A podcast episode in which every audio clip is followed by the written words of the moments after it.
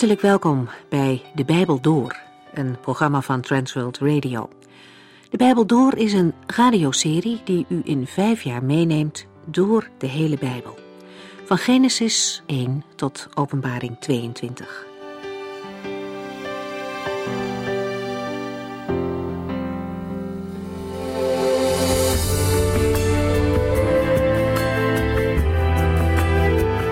We gaan verder met het leven van Jozef.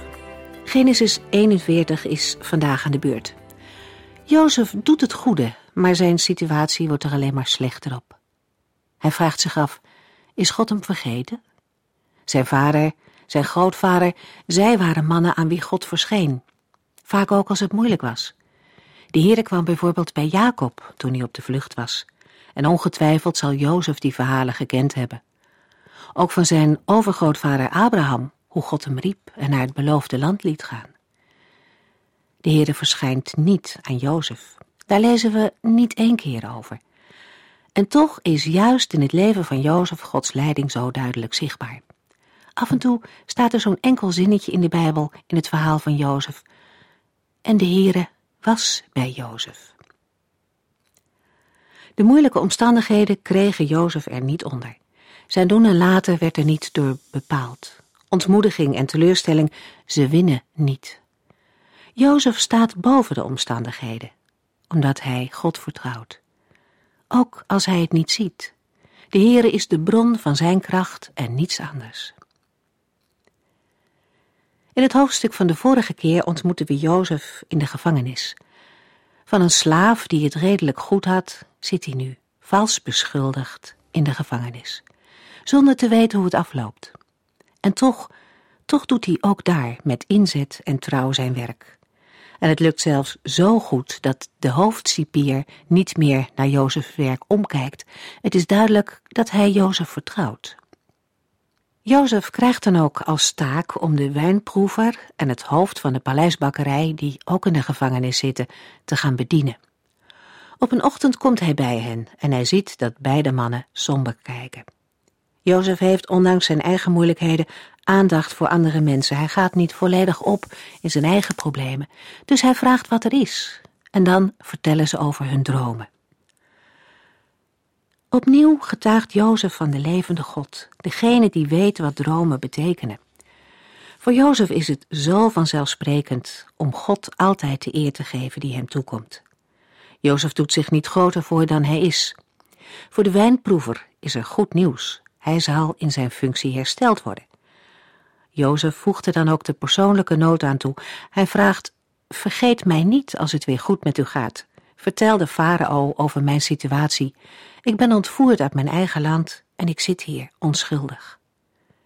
Maar het hoofdstuk eindigt ermee dat de wijnproever Jozef toch vergeet als hij uit de gevangenis is.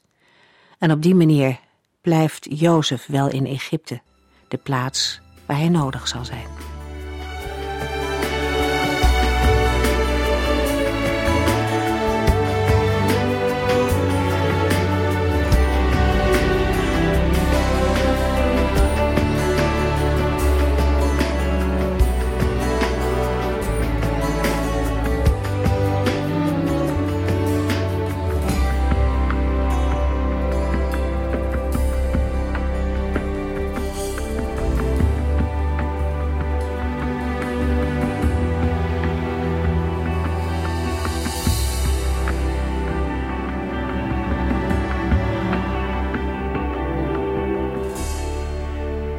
Vorige uitzending lieten we Jozef achter in de gevangenis.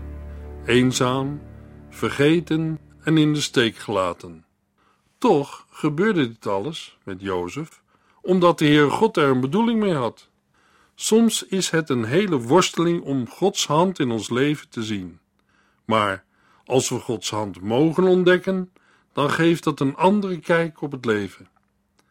Genesis 41 is een heel ander hoofdstuk dan het hoofdstuk ervoor. In Genesis 41 zien we dat Jozef uit de gevangenis komt. Dat komt omdat hij de dromen van de farao uitlegt. Hij wordt aangesteld tot opzichter over heel Egypte en trouwt met Asnat, de dochter van de priester van On. Jozef en Asnat krijgen twee zonen. Manasse en Ephraim. Het levensverhaal van Jozef is een geschiedenis van armoede naar rijkdom. Ik ken geen ander verhaal dat zo aangrijpend is als deze episode in Jozefs leven. In dit hoofdstuk zien we duidelijk de hand van God in zijn leven. Jozef was zich bewust van Gods zorg voor hem, ook in de tijden dat het heel moeilijk was.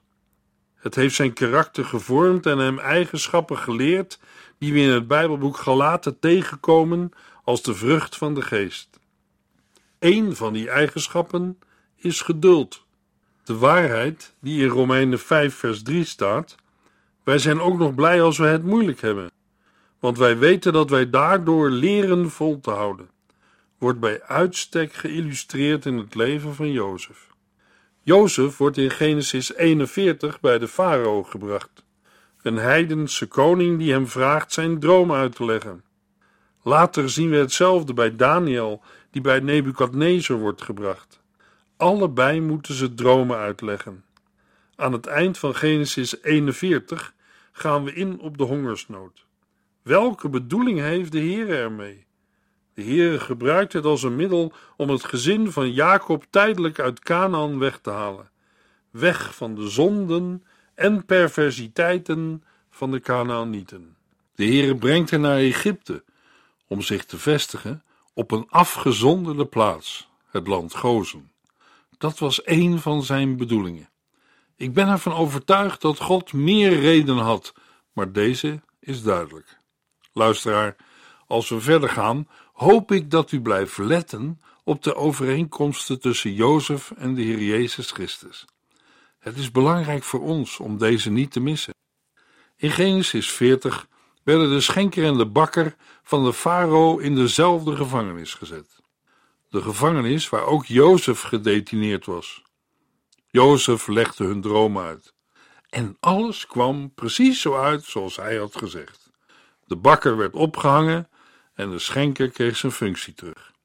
Jozef had de schenker gevraagd of hij Jozef niet wilde vergeten, of hij bij de farao een goed woordje voor hem wilde doen. Maar dat had hij niet gedaan. Nu geeft de Heer God Farao een droom. Genesis 41, vers 1. Op een nacht, twee jaar later, droomde de farao dat hij aan de oever van de rivier de Nijl stond. Wanneer er twee volle jaren zijn verlopen, sinds de hofschenker is vrijgelaten, krijgt de farao een droom, waar hij behoorlijk onrustig van is. Dit droomt hij. Plotseling zag hij zeven mooie, vette koeien uit de rivier komen, die op de oever begonnen te grazen. Daarna kwamen nog zeven koeien uit de rivier, maar die waren zo mager dat je hun ribben kon tellen. Genesis 41, vers 2 en 3. Farao ziet zichzelf aan de oever van de rivier de Nijl staan. Hij zag zeven koeien, die goed doorvoed waren en er mooi uitzagen. Vette koeien. Daarna zag hij zeven koeien die heel mager waren. Genesis 41, vers 4. De magere koeien naderden de vette koeien en aten die op. Op dat moment werd Farao wakker. Farao wordt behoorlijk onrustig van de droom. Waarom? Hij ziet zeven lelijke magere koeien uit de rivier komen. En dan gebeurt het onmogelijke. De magere koeien eten de vetten op. Koeien waren in Egypte staatssymbool. En het getal zeven was over de hele antieke wereld een heilig getal. Farao wist niet wat de uitleg was. En er was niemand in de buurt die hem kon helpen. Genesis 41, vers 5 tot en met 8.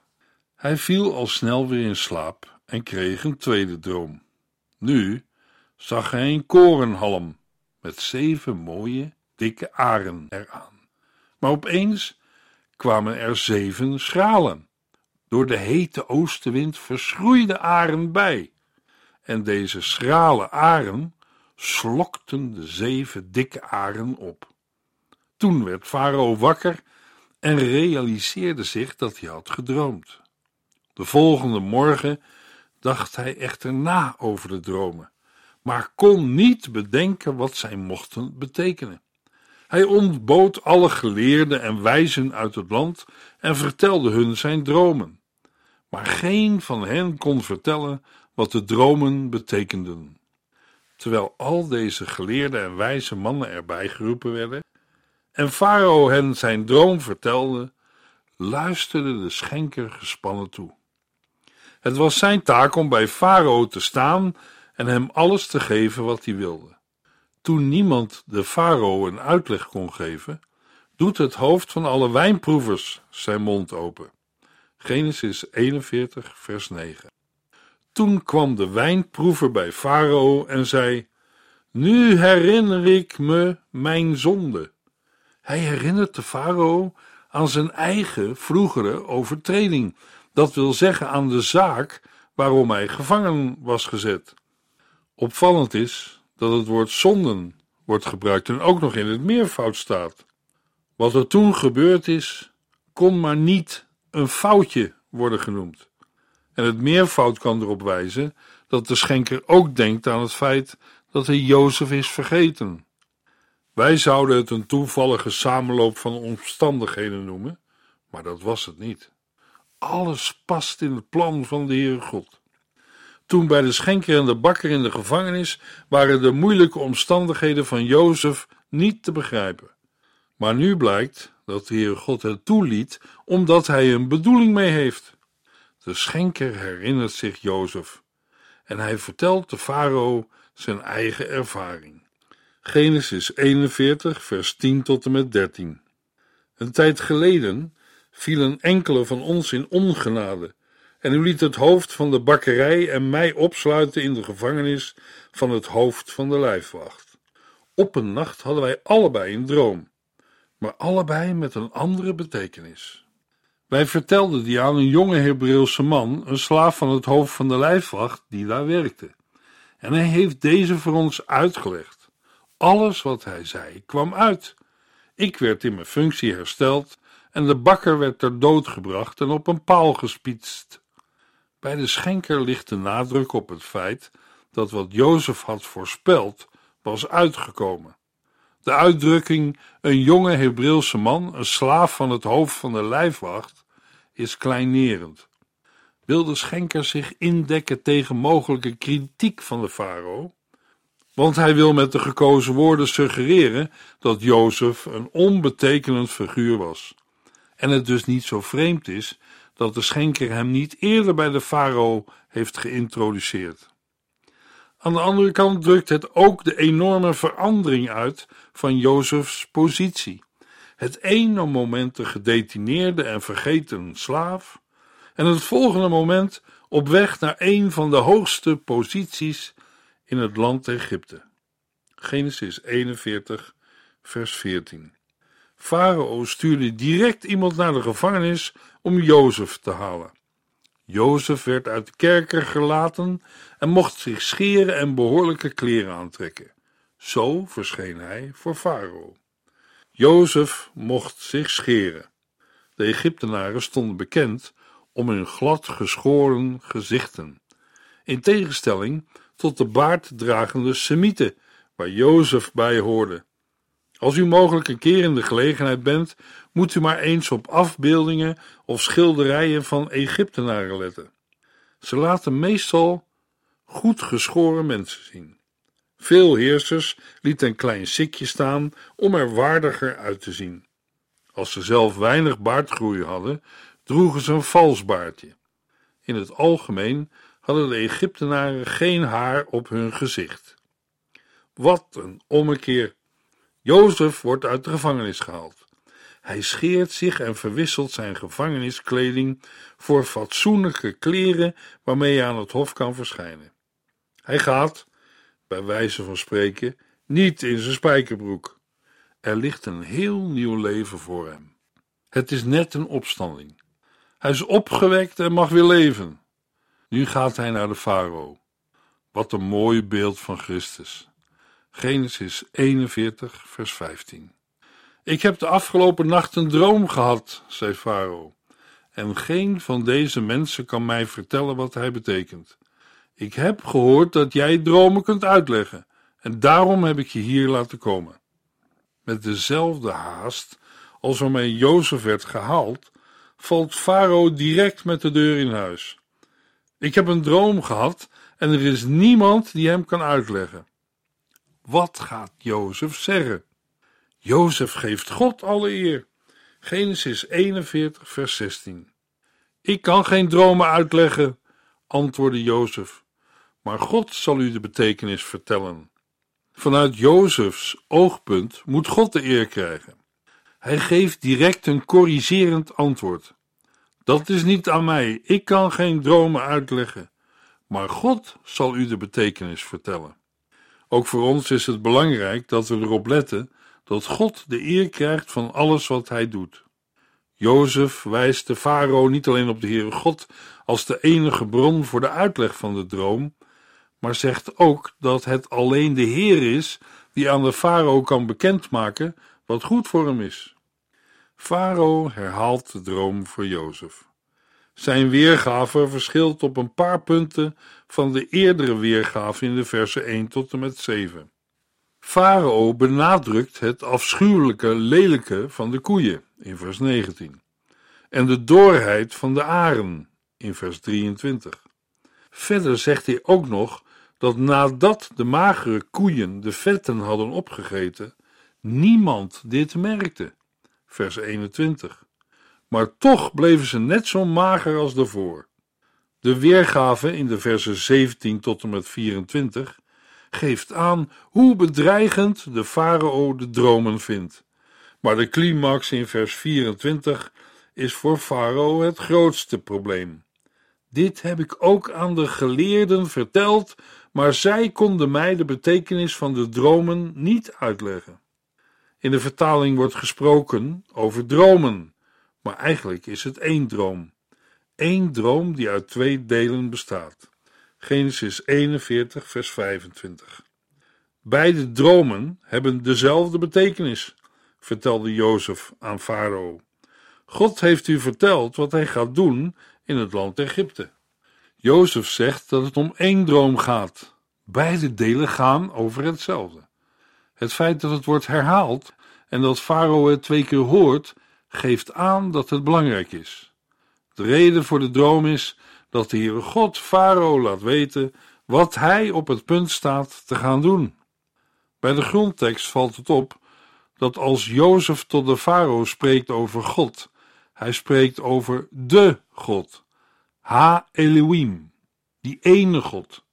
Maar Farao heeft het over Elohim, God in het algemeen, zonder bepalend lidwoord. Genesis 41, vers 26 tot en met 31. De zeven vette koeien en ook de zeven dikke aren geven aan dat er zeven voorspoedige jaren komen. De zeven magere koeien en ook de zeven schrale aren betekenen dat er zeven voorspoedige jaren zullen worden gevolgd door zeven jaren hongersnood. Zo heeft God u laten zien wat hij van plan is. De komende zeven jaren zullen grote voorspoed brengen in heel Egypte. Maar de zeven jaren hongersnood die daarop volgen, zullen zo vreselijk zijn dat alle voorspoed wordt vergeten. De honger zal het land uitmergelen. De hongersnood zal zo erg zijn dat zelfs de herinnering aan de voorspoedige jaren zal vervagen. Dit is de uitleg. Er komen zeven jaren van overvloed en vervolgens zeven jaren van hongersnood. Jozef spreekt veel uitvoeriger over de magere koeien en de schrale aren. Hij besteedt één zin aan de overvloed, maar wel vijf aan de hongersnood. Het geeft aan waar Jozef de aandacht van de farao op wil vestigen. Genesis 41, vers 32. Dat u tweemaal hetzelfde hebt gedroomd, wil zeggen dat het zeker gaat gebeuren en al snel ook, want God heeft het zo beslist. De hongersnood is door God vastgesteld. Hij wil dat Farao het weet. Wat moet er nu gebeuren? Jozef geeft advies aan de farao. Het advies is net zo duidelijk als de zojuist uitgesproken uitleg en aankondiging. Genesis 41, vers 33 tot en met 37. Welnu, ik denk dat het goed is als u een wijs man uitzoekt aan wie u de leiding geeft over een programma voor de voedselvoorziening van het hele land. Laat Farao opzichters aanstellen die gedurende de komende zeven jaar elk jaar een vijfde van de voedselopbrengst van heel Egypte opslaan in magazijnen. Zo krijgt u een voedselvoorraad voor de zeven jaren hongersnood die daarop volgen. Dan zal het land niet aan de hongersnood ten gronde gaan. Farao en zijn adviseurs zagen wel wat in Jozefs voorstellen. Zij bespraken wie de leiding moest krijgen over die enorme onderneming. Jozef adviseert Farao om alles wat te veel is, in de jaren van overvloed, te verzamelen en dat op te slaan voor de zeven magere jaren. Genesis 41, vers 38 tot en met 41. Toen zei Farao: Wie kan dat beter doen dan Jozef? Hij is een man die duidelijk vervuld is met de geest van God. Toen wendde Farao zich tot Jozef en zei: Aangezien God u de betekenis van de dromen heeft ingegeven, bent u de meest wijze man in het land. Ik benoem u daarom tot leider van de voedselverzameling. Ik geef u een blanco volmacht in het hele land. U zult alleen aan mij verantwoording schuldig zijn. Let op wat hier gebeurt. Het begint met het feit dat Jozef in de gevangenis zit, eenzaam, vergeten en in de steek gelaten. Nu, precies op het goede, juiste moment, wordt Jozef uit de gevangenis gehaald, omdat niemand de droom van Farao uit kan leggen.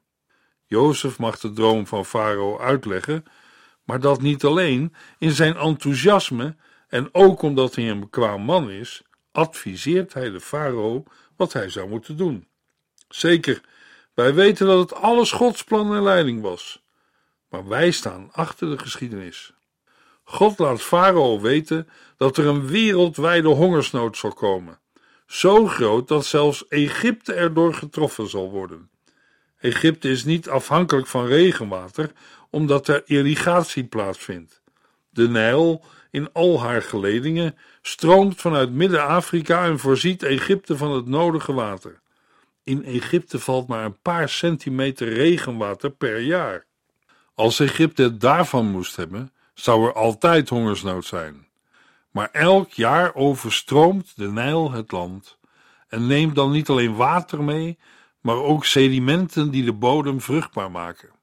Nu waarschuwt de Heer God de farao en laat zien wat hij van plan is. Er komen zeven jaren van hongersnood. En deze hongersnood komt ook over Egypte. Toen zei Farao: Wie kan dat beter doen dan Jozef? Hij is een man die duidelijk vervuld is met de geest van God. Farao luistert naar Jozef.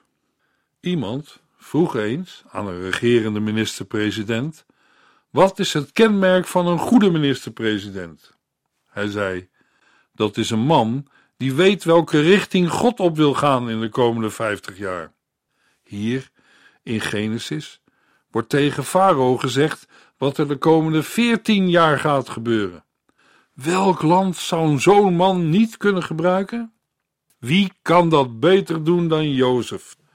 Farao zag dat Jozef een man was met capaciteiten. Ziet u hoe de Heere God hem al had opgeleid in het huis van Potifar? In het huis van Potifar heeft Jozef al geleerd om de leiding te hebben over alle bezittingen. Nu krijgt hij de leiding over alles in het land Egypte. Dit is een enorme verandering in zijn leven. Hij is een lange weg gegaan, van de diepte van de gevangenis tot aan de hoogste troon naast die van Farao. Genesis 41, vers 42. Na die woorden schoof Farao zijn zegelring aan Jozefs vinger als teken van zijn koninklijke volmacht. Hij gaf hem prachtige kleren, hing een gouden keten om zijn hals en verklaarde plechtig: Ik stel u aan als leider over het hele land Egypte. Na de proclamatie geeft de farao zijn zegelring aan Jozef. Het geven van de ring, waarmee staatsbesluiten kunnen worden uitgevaardigd, symboliseert het overdragen van het gezag. Vervolgens krijgt Jozef prachtig Egyptisch linnen als kleding, zoals dat door Egyptische topambtenaren werd gedragen. Jozef wordt voor zijn droomuitleg en advies beloond met een gouden ketting om zijn hals. En tot slot doet de farao hem plaatsnemen op de strijdwagen voor de tweede man in Egypte. Dan laat farao Jozef rondrijden om het volk met hem te laten kennismaken. Een heraut die voorop gaat roept: Breng hulde! Genesis 41, vers 43 tot en met 45. De farao gaf Jozef zijn tweede rijtuig, en overal waar hij verscheen, werd voor hem uitgeroepen: Kniel! En de farao verklaarde tegenover Jozef: Ik, de koning van Egypte, zweer dat mijn land u zal gehoorzamen. Voortaan noemde farao Jozef Safnat Paaneach, uitlegger van geheimen, en gaf hem Asnat, de dochter van Potifera, de priester van On, Heliopolis, tot vrouw. Zo werd Jozef van gevangene in één keer tot de machtigste man in het land. Ik vind de naam Jozef een mooiere naam dan Safnat Paneach. Maar die naam gaf de farao hem. Het is een Koptische naam en het betekent uitlegger van geheimen. Asnat is de dochter van de priester Potifera, de priester van On. On is beter bekend onder de latere naam Heliopolis, zonnestad. Een stad 15 kilometer ten noordoosten van Caïro.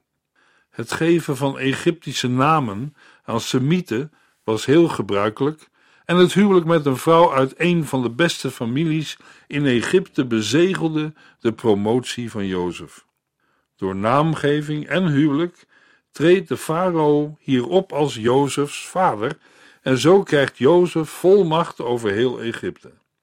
De vermelding dat Jozef 30 jaar is wanneer hij bij de farao in dienst komt, is meer dan een chronologische vermelding van het feit dat hij 13 jaar lang een slaaf en een gevangene was. Toen hij 17 jaar was, droomde Jozef thuis bij zijn vader van een glorieuze toekomst. Die dromen staan op het punt vervuld te worden. Zo werd Jozef van gevangene in één keer tot de machtigste man in het land. Hoe zal het verder gaan met Jozef? Daarover meer in de volgende uitzending.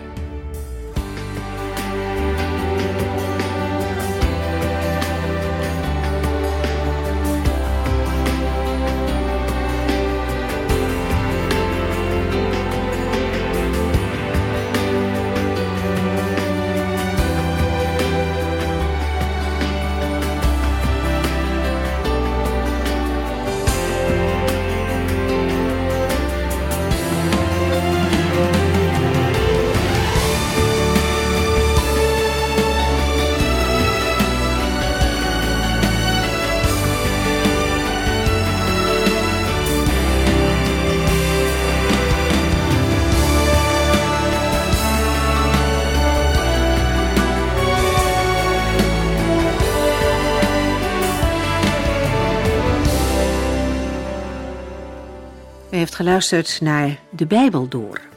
In het Nederlands vertaald en bewerkt door Transworld Radio. Een programma waarin we in vijf jaar tijd de hele Bijbel doorgaan. Als u wilt reageren op deze uitzending of u heeft vragen, dan kunt u contact met ons opnemen. Tijdens kantooruren kunt u bellen op 0342 47 8432. 0342 47 8432. 32. Ook kunt u een e-mail sturen naar de Bijbel transworldradio.nl en natuurlijk kunt u ook via de post ons bereiken. TWR, postbus 371, postcode 3770, AJ in Barneveld.